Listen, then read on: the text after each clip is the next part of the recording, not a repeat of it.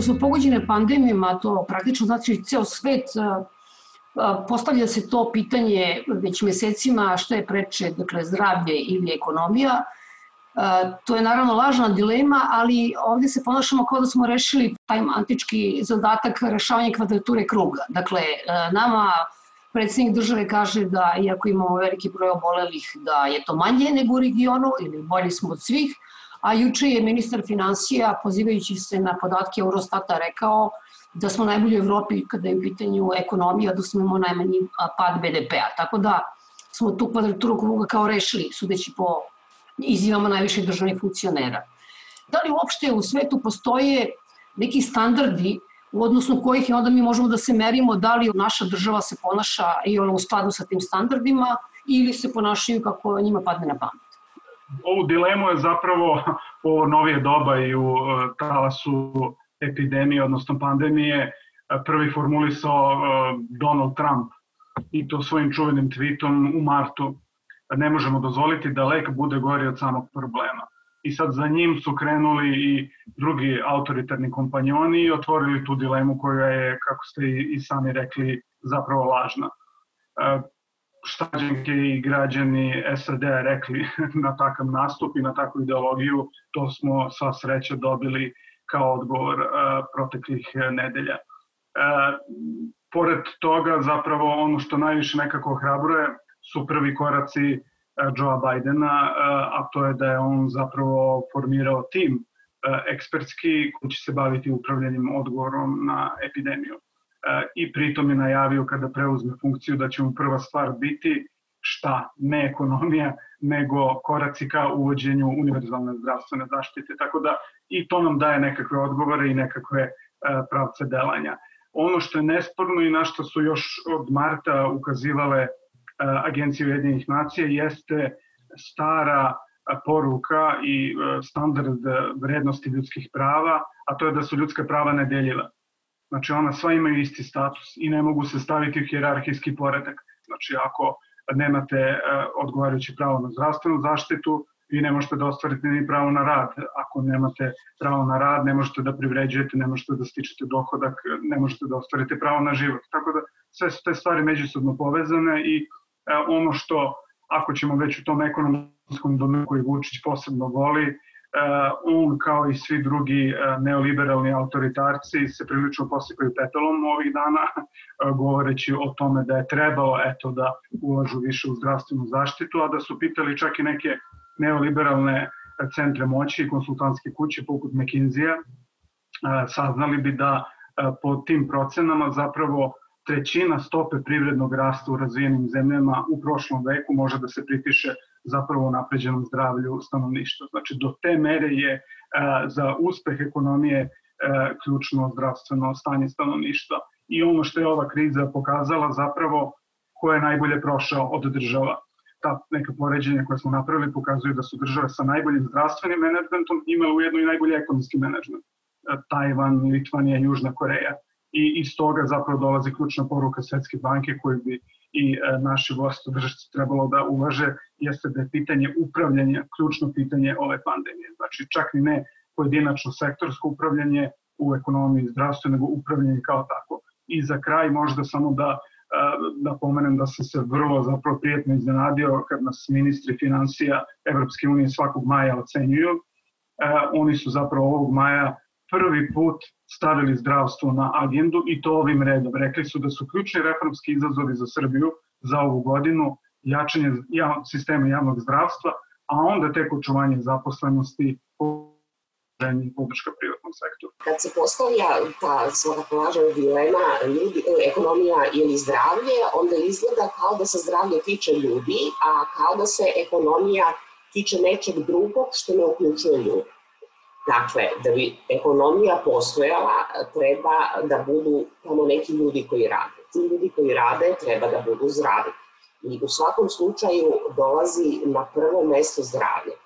U ovom trenutku, kad je u pitanju epidemija, mi govorimo o fizičkom zdravlju, ali ono što ističe i, i Agencija za bezbednost i zdravlje na radu, ona ukazuje na probleme psihosocijalnog zdravlja i mentalnog zdravlja. To je ono sa čim se mi suočavamo već nekoliko meseci, potpuno zanemarivanje tog aspekta mentalnog zdravlja i nesigurnosti koja se stvara, pre svega zbog načina na koji se komunicira.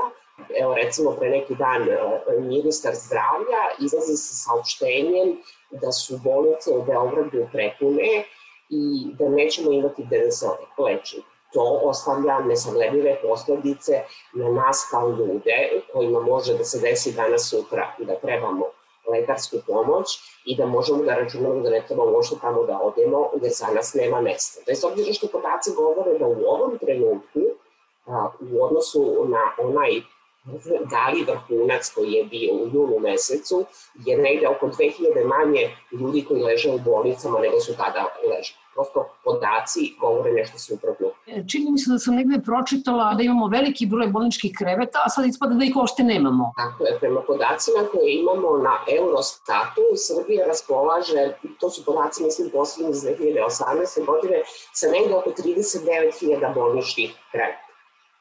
Naravno, oni su, ne mogu da nađem, nisam mogla da nađem koliki je podatak recimo kreveta koji su na intenzivnoj nezi, ali mi bismo to trebali da znamo, to su, to su informacije kojima treba da raspolaže ministarstvo, ministarstvo zdravlja. Mi znamo koliko, sa koliko kreveta na intenzivnoj nezi raspolaže Nemačka, sa neke 22.000, ali ne znamo koliko je to u Srbiji. E sad, neka je to nekih 39.000 i neka je u prethodnom, znači talasu je bilo negde 5.000 hospitalizovanih ljudi, e, to znači da mi imamo da smo iskoristili za COVID pacijente nešto više od, od 10%, e, tako, ovih bolničnih kreveta, nisu svi na intenzivnoj nezi, naravno. U čemu je problem? I zašto mi sad, ako imamo 39.000 ovaj, bolničkih kreveta, zašto mi sad pravimo, to je najveća sad, najveći podupat, pravimo dve COVID bolnice sa nekih, ova u Batajnici koliko sa hiljadu ležajeva, Druga stvar koja se postavlja nakon toga, ajde, imat ćemo neke nove krevete, a to da radi? Gde su ti ljudi? Mi imamo reformu javne uprave i imamo uništavanje zdravstva od 2014. godine sa tim reformskim zahvatima zabranog zapošljavanja, e, sa tim da smo imali pre nekoliko godina upozorenja iz struke, nama će nedostajati specijalisti, anestezijolozi pre svega, oni koji su bili u ovoj priči su veoma bitni, ne znamo koliko ih ima. Vi nemate recimo podatke, nemamo tačno podatak koliko imamo epidemiologa u ovoj zemlji. Čuli smo, mislim, od jednog člana kriznog štaba da Srbija ima svega 100 epidemiologa. Kako mi to možemo da se nosimo sa epidemijom i upravljamo epidemijom, ako imamo 100 ljudi koji treba da pokriju, znači, ne samo ove koji su uh, diagnostikovani, nego sve njihove kontakte kako biste vi na koji način nam ilustrovali odnos države prema zdravstvu do ove pandemije? Ako gledate statistiku, imate onaj pokazatelj nezadovoljenih zdravstvenih potreba kada ne možete da ostvarite lekarski pregled, na primjer, zbog toga što su zdravstvene usluge preskupe ili zbog liste čekanja ili što su vam zdravstvene ustanove fizički udaljene i tako dalje. Tu smo više nego dva puta gori od Evropske unije. I što je najgore kada je reč kod ovih ugroženih grupa, od 2013. imamo taj trend da je utrostručen jaz između najbogatijih i najsiromašnijih. Znači, još je veća uskraćenost onim siromašnima. To je sve prosto nekako ne dolazi kao iznenađenje zbog toga što zapravo u istom tom periodu javna izdvajanja za zdravstvenu zaštitu kad se gleda kao udeo čuvenog eh, BDP-a padaju od te iste 2012. 13. negde za oko 1% sa 9,3 na 8,4. Znači, sve manje se izdvaja za zdravstvo i naravno da e, su e, sve manje zadovoljene osnovne zdravstvene potrebe stanovništva. E, istovremeno, naravno, što manje para država ulaže, to mi moramo više iz svog džepa da dajemo. Tako da i po tom indikatoru zapravo beležimo rast. Znači sve više mi privatno, iako bi trebalo da imamo univerzalnu zdravstvenu zaštitu iz sistema socijalnog osiguranja, mi moramo privatno, što se kaže, da doplaćujemo za te osnovne zdravstvene usluge. Ovo što je Sara pomenula. Znači, ko će da nas leče džaba nam bolnica ukoliko nemamo kadra, e, tu ima neki dokument koji se zove plan razvoja kadrova u sistemu zdravstvene zaštite, za koji je ministar Lončar nadležan i on godinama nije usvojen. Znači, mi godinama znamo za taj problem i na sve to, a još od te 13. godine, lepo smo se sa Nemačkom dogovorili da ćemo da izvozimo radnu snagu. Tako da smo tad potpisali sporazum po kome je nekoliko hiljada, pre svega medicinskih otišlo u tu Nemačku. Vrlo indikativno da je 31. januara ove godine da se stopira konkurs za ovu godinu. Znači, već tad je vlad znala šta nas čeka, kakva katastrofa nas čeka i šta su oni sami napravili. I samo da završim u domenu rada, radnih odnosa, mi smo naravno oduševljeni privrednim rastom, naročito u sektoru građevinarstva, ali nas uopšte nije zanimalo da jačamo kapacitete inspekcije rada, na primjer, i upravo za bezbednost i zdravlje na radu, jer je broj povreda na radu eksplodirao. Sve manje inspektora rada, 30% nam je porastao broj povreda na radu, broj smrtnih povreda na radu nikad veći, ulaganje to što se tiče zaštite radnika skoro nikako. Tako da nije ni čudo da je stvorena jedna klima gde investitori poput Jure koji su zdravstveni hazard, oni su društveni hazard, a naročito zdravstveni, nije ni čudo da su sada prosto dominantna pojava u našem društvu.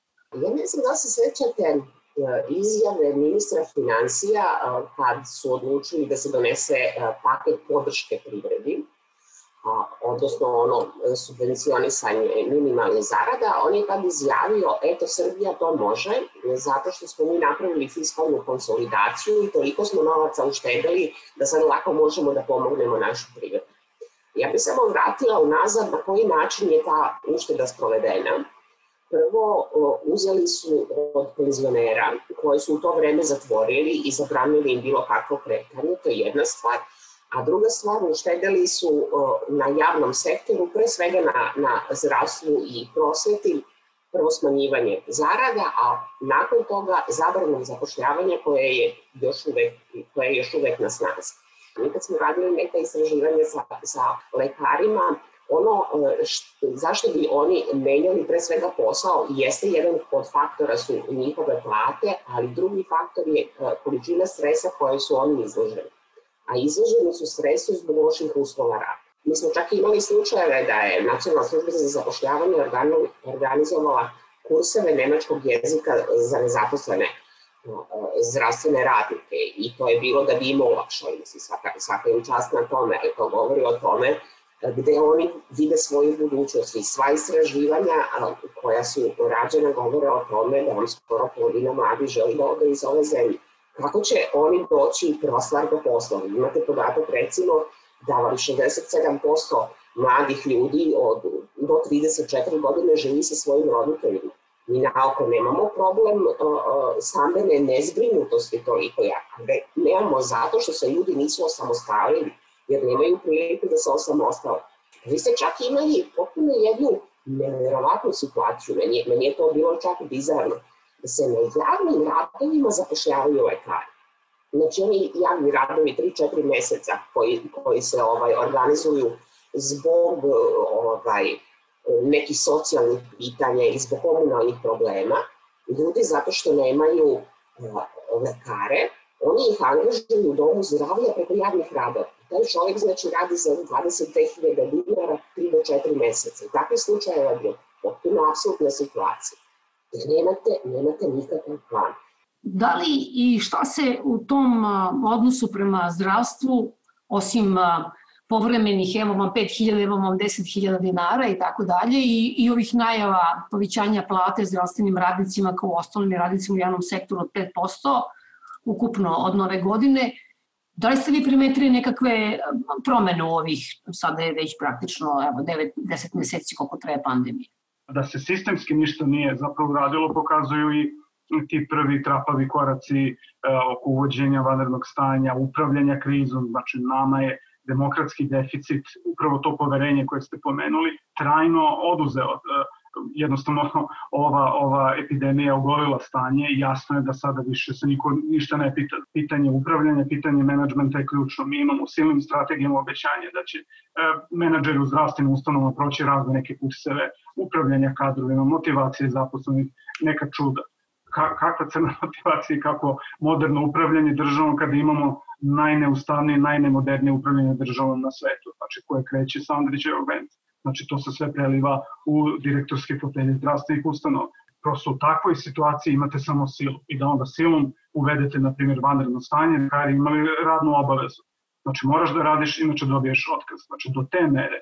I ne samo da je to izvedeno za vreme vanrednog stanja kad je Kobajagi i postao neki ustavni osnov za to, i kad je ukinuto, to je produženo. I tad im je bila radna obaveza. Znači, lekari, zdravstveno osoblje uopšte, medicinske sestre, tehničari su poniženi.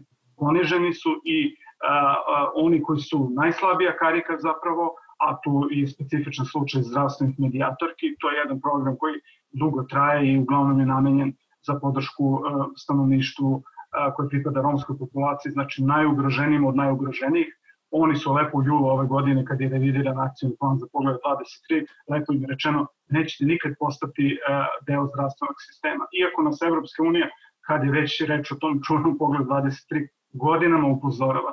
Ljudi zaštitite, obuhvatite zdravstvenu zaštitu, one koji su najdalje od nje, doći će neka kriza poput ove i e, nastaće katastrofa. Mi smo sve to rekli, ne trebaju nam nikakve medijatorke i jednostavno prekršena je najosnovnija i najsvetija nekako obaveza da se pomogne najslabijim. Kad se spominju recimo lekari, onda smo uh, vrlo često slušali o tome da su oni heroji. Znači, njihov posao se svata negde kao patriotska dužnost, a ne kao posao kao, kao svaki drugi. Ovo što Ivan kaže, poniženje, uh, ovo najavljenih 10.000 dinara jednokratno svima koji rade u zdravstvu je zaista, zaista ponižavajuće. To je znači jedan nivo.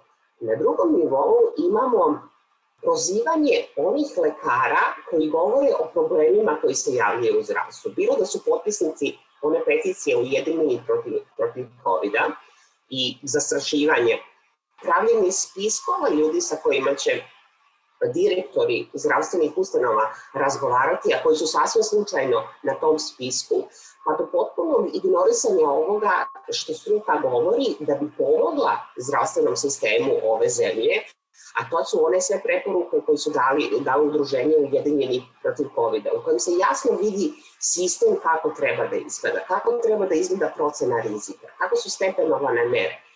Dakle, ne treba ništa drugo da urade, nego da uzmu od struke ono što je ona izgledila, a što je u stvari trebalo da se napravi na nivou države. Da li uopšte postoji bilo kakva mera koja je predviđena za ljudi koji će i koji su već socijalno ugroženi i ovi koji će ostati očigledno bez ikakve socijalne zaštite.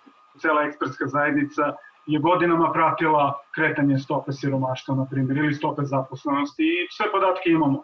Ali imamo novu pojavu gde jednostavno nam ponestaje alata da ako vi vidite trend, vidite da vam je od 2012. siromaštvo uslovno rečeno stabilno, znači da nemate nikakva poboljšanja osim na nivou statističke greške u tom smislu. Da čak imate opadanje broja porodica koje prime socijalnu pomoć ili dečiji dodatak. Znači imate i neke zabrinjavajuće trendove koji govore o tome da evo konačno je uspela SNS garnitura da napravi državu po njihove meri. Malu državu koja će da pogoduje e, njihovoj, njihovom partijskom kružoku, a koja će na kratko uzde, uslovno rečeno, da drži siromašne kako bi glasali za njih. Znači imamo jedan, jedan koktel toksični, politički, koji nekako mi ekspertski kad pokušamo da formulišemo e, najlazi na nedovoljan odjek, svi podaci su tu, niko ih neće demantovati, neće ih ni predsednik demantovati, ali će ih naravno tumačiti kao predsednica vlade prema svom nahođenju, znači tumačit će e,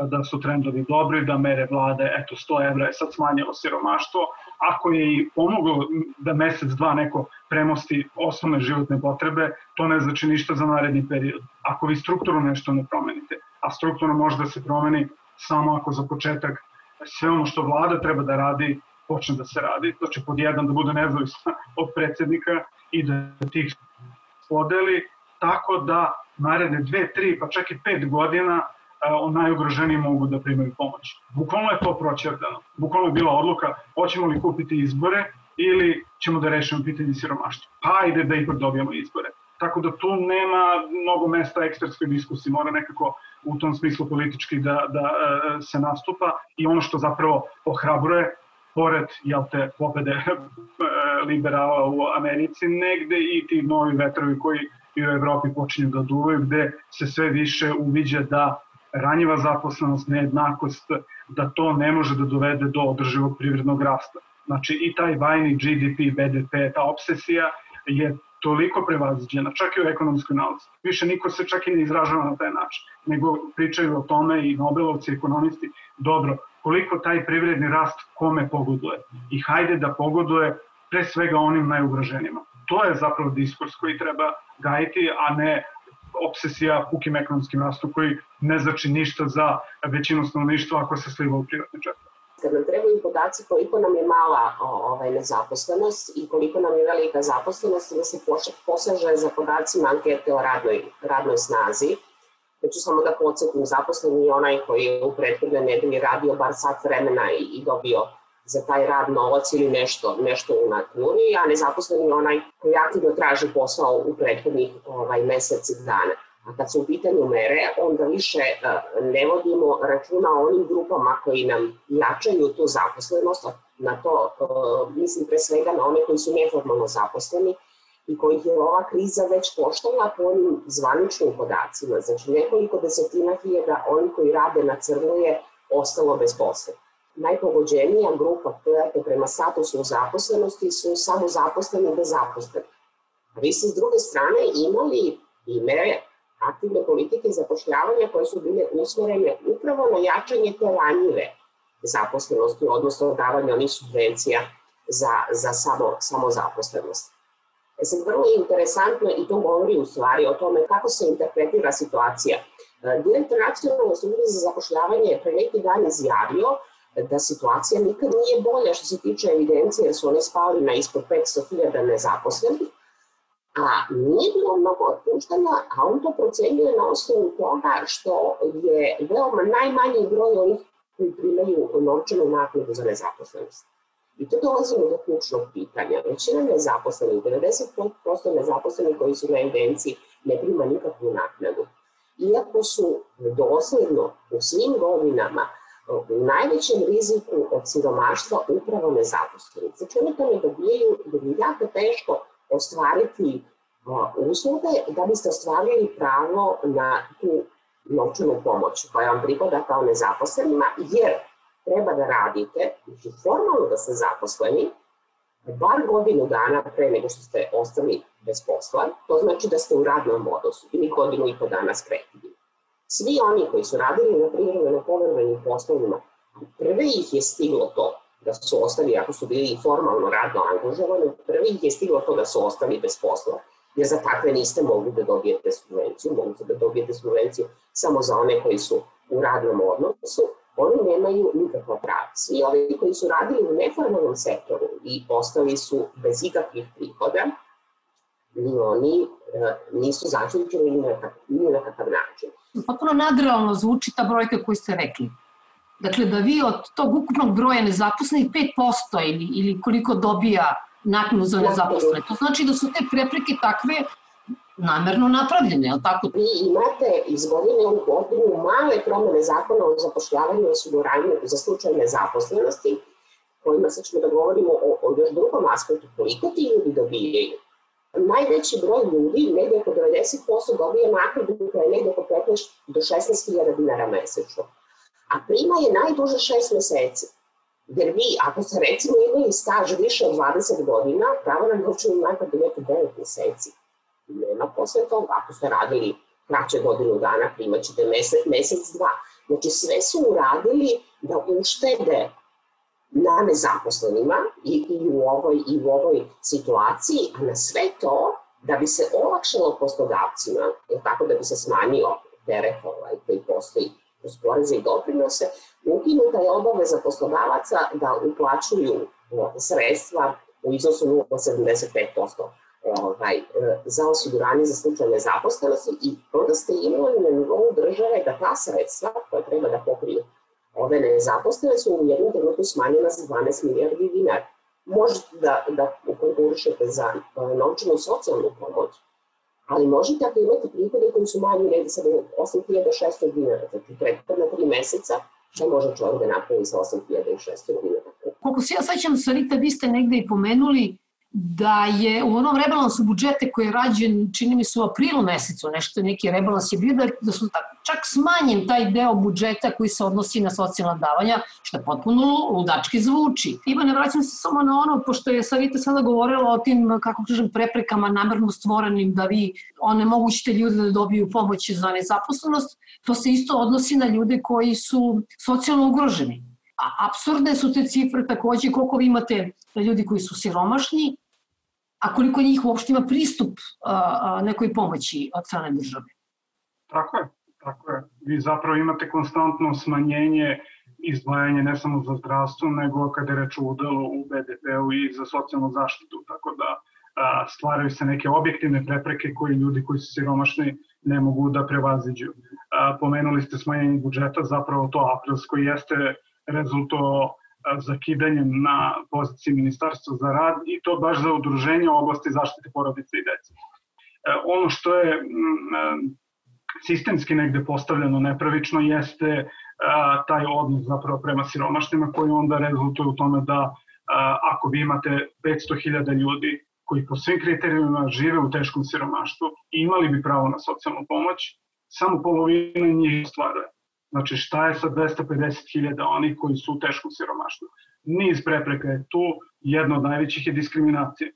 Vama opet svrha dolaze poruke o a, pogodnim kategorijama građana i građanki i onda naravno da oni koji su inače na margini, kao što je romska populacija, kao što su žrtve nasilja, kao što su oni koji žive u zabačenim ruralnim krajevima, naravno da e, e, ispadaju sa radara i postaju zanimljivi samo eventualno kao, kao kontingent koji čini biračko telo za neke izbore. Tako da u tom smislu um, te projekcije Svetske banke koje su prilično konzervativne, koje govore o 100, 200, 300 hiljada novih siromašnih, će možda, u zavisnosti od toga koliko surovo bude upala i da li će i naredne mere da čerda na kupovinu izbora, jer prosto izbori se opet novi iza ugla, znači ako se opet bude tako radilo, oni su konstantno u kampanji, konstantno u promašaju pravih targeta, uslovno rečeno. Znači oni imaju svu moć, svu vlast i dalje dovoljna, da kažem, budžetska sredstva na raspolaganju, ako ništa drugo zajmove, ako možemo zajam za autoput, zašto ne uzmemo zajam da rešimo siromaštvo? Ne usvajaju se zakoni, na primjer o socijalnoj zaštiti koji bi relaksirali te uslove ako neko ima neku okućnicu na koju ne može da privređuje, pa naravno da mu to ne uračunavate u cenzus, ne može ta osoba odjednom sad da bude bogata i da bude iznad linije siromaštva.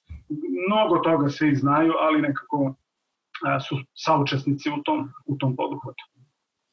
Šta mislite da će se dešavati u narodnom periodu, ako se ovako nastavi? Jel? Najlogičnije i to je ono što projekcije e, govore da oni poslodavci koji neće imati sad razloga da, da zadrže ukoliko ne budu imali posla, da će, da će da otpuštaju, da otpuštaju radnike. E sad, u kojim će to sektorima biti u, u ovima koji su naravno najviše pogođeni, e, turizam i ugostiteljstvo, to je ono što, što će ovaj da se deša, ali recimo i u tom delu smo imali potpuno različit odnos onda ste imali izdvajanje jednog sektora u okviru ugostiteljstva, a to su hoteli gradski. Pa smo, e, zahvaljujući verovatno veoma velikoj aktivnosti sadašnjeg ministra građevinarstva, e, dobili to da su oni, gradski hoteli, dobili subvencije 350 evra po sobi i još 150 evra po ležaj. I onda smo se mi svi znači solidarisali jer izdvajamo pare za taj budžet A u ovom trenutku nemamo solidarnosti, to je predlog o, o nekih, nekih lekara bio otver, otvorite hotele koji su onako prazni da možete da smestite bolesnike u njih. Imaće mnogo bolje uslove nego što ih imaju u areni.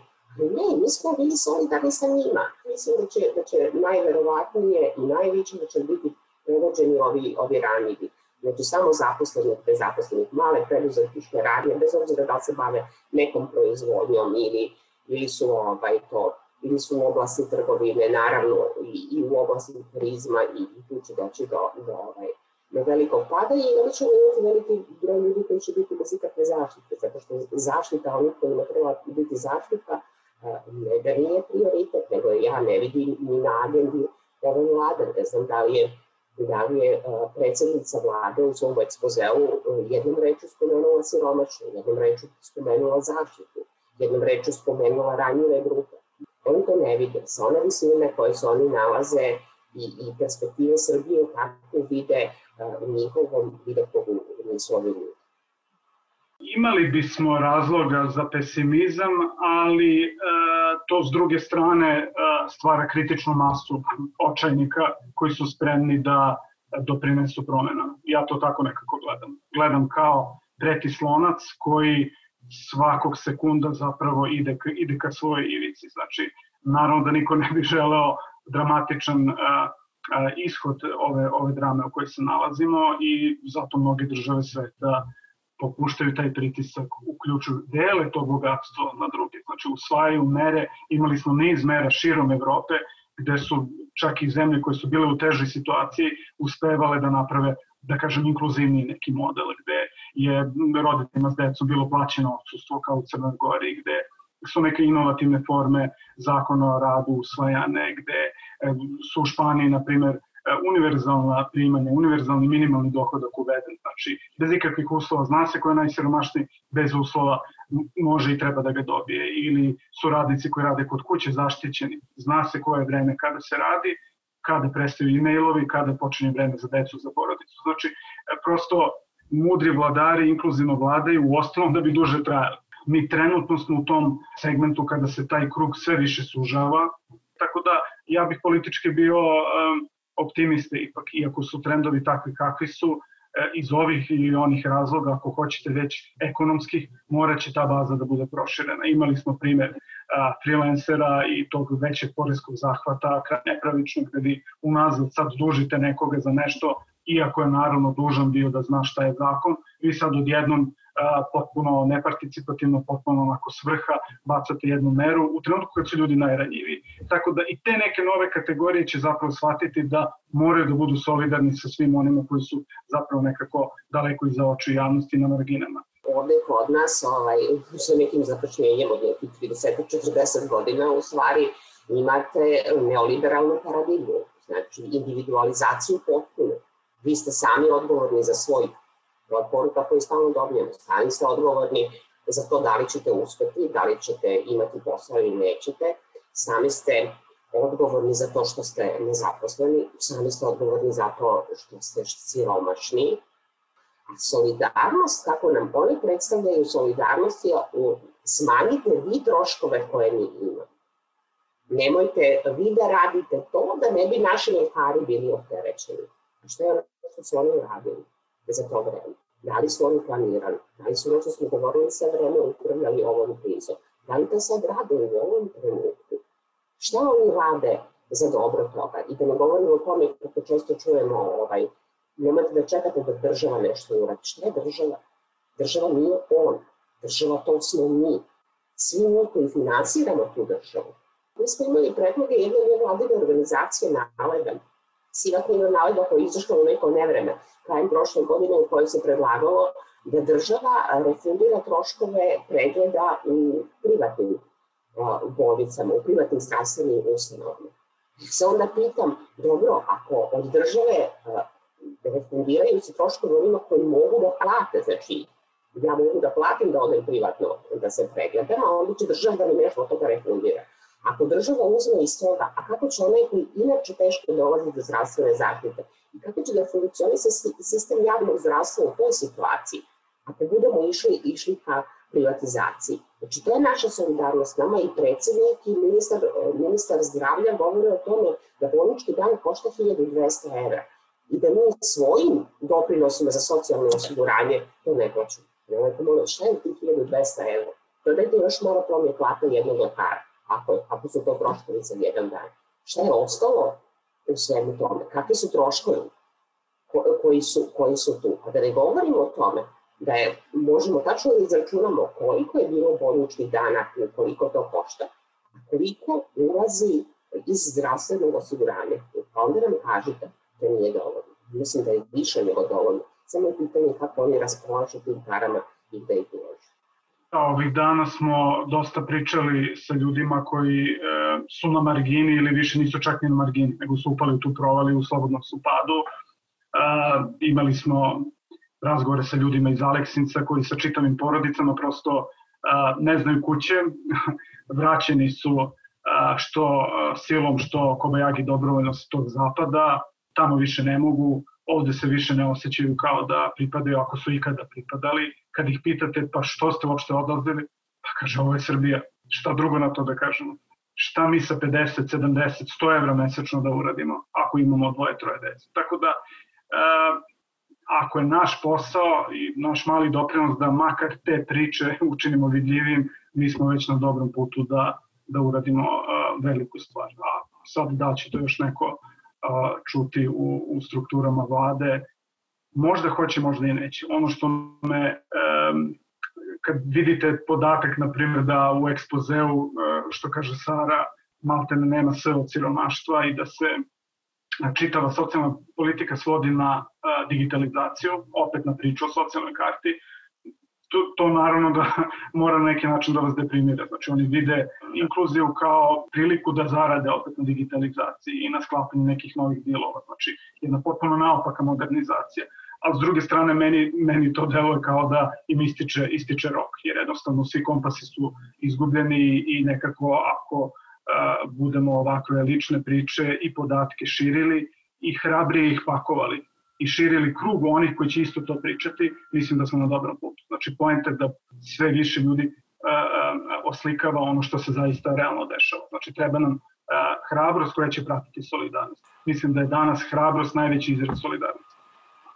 Meni je vrlo interesantan ovaj podatak kojim redosledom će biti vakcinisani. To su prioriteti. Naravno, zdravstveni radnici, to nam je svima jasno, potpuno je normalno. Ali posle zdravstvenih radnica, radnika ne dolaze oni koji rade u socijalnoj zaštiti, kako bi smo zaštitili bake i deke, tako, koji, su, koji su domovima za stare, nego dolazi vojska i policija. Sada se ja pitala ovaj, s kim to vojska je u kontaktu, pa je pod tolikim ovaj, rizikom ili policija. Možda su neke projekcije rađene ovaj, koji kontakt će biti ostvareni. I to nam nešto govori o, o odnosu u ovom društvu prema određenim grupama ljudi. Hvala vam Boga mnogo na razgovoru.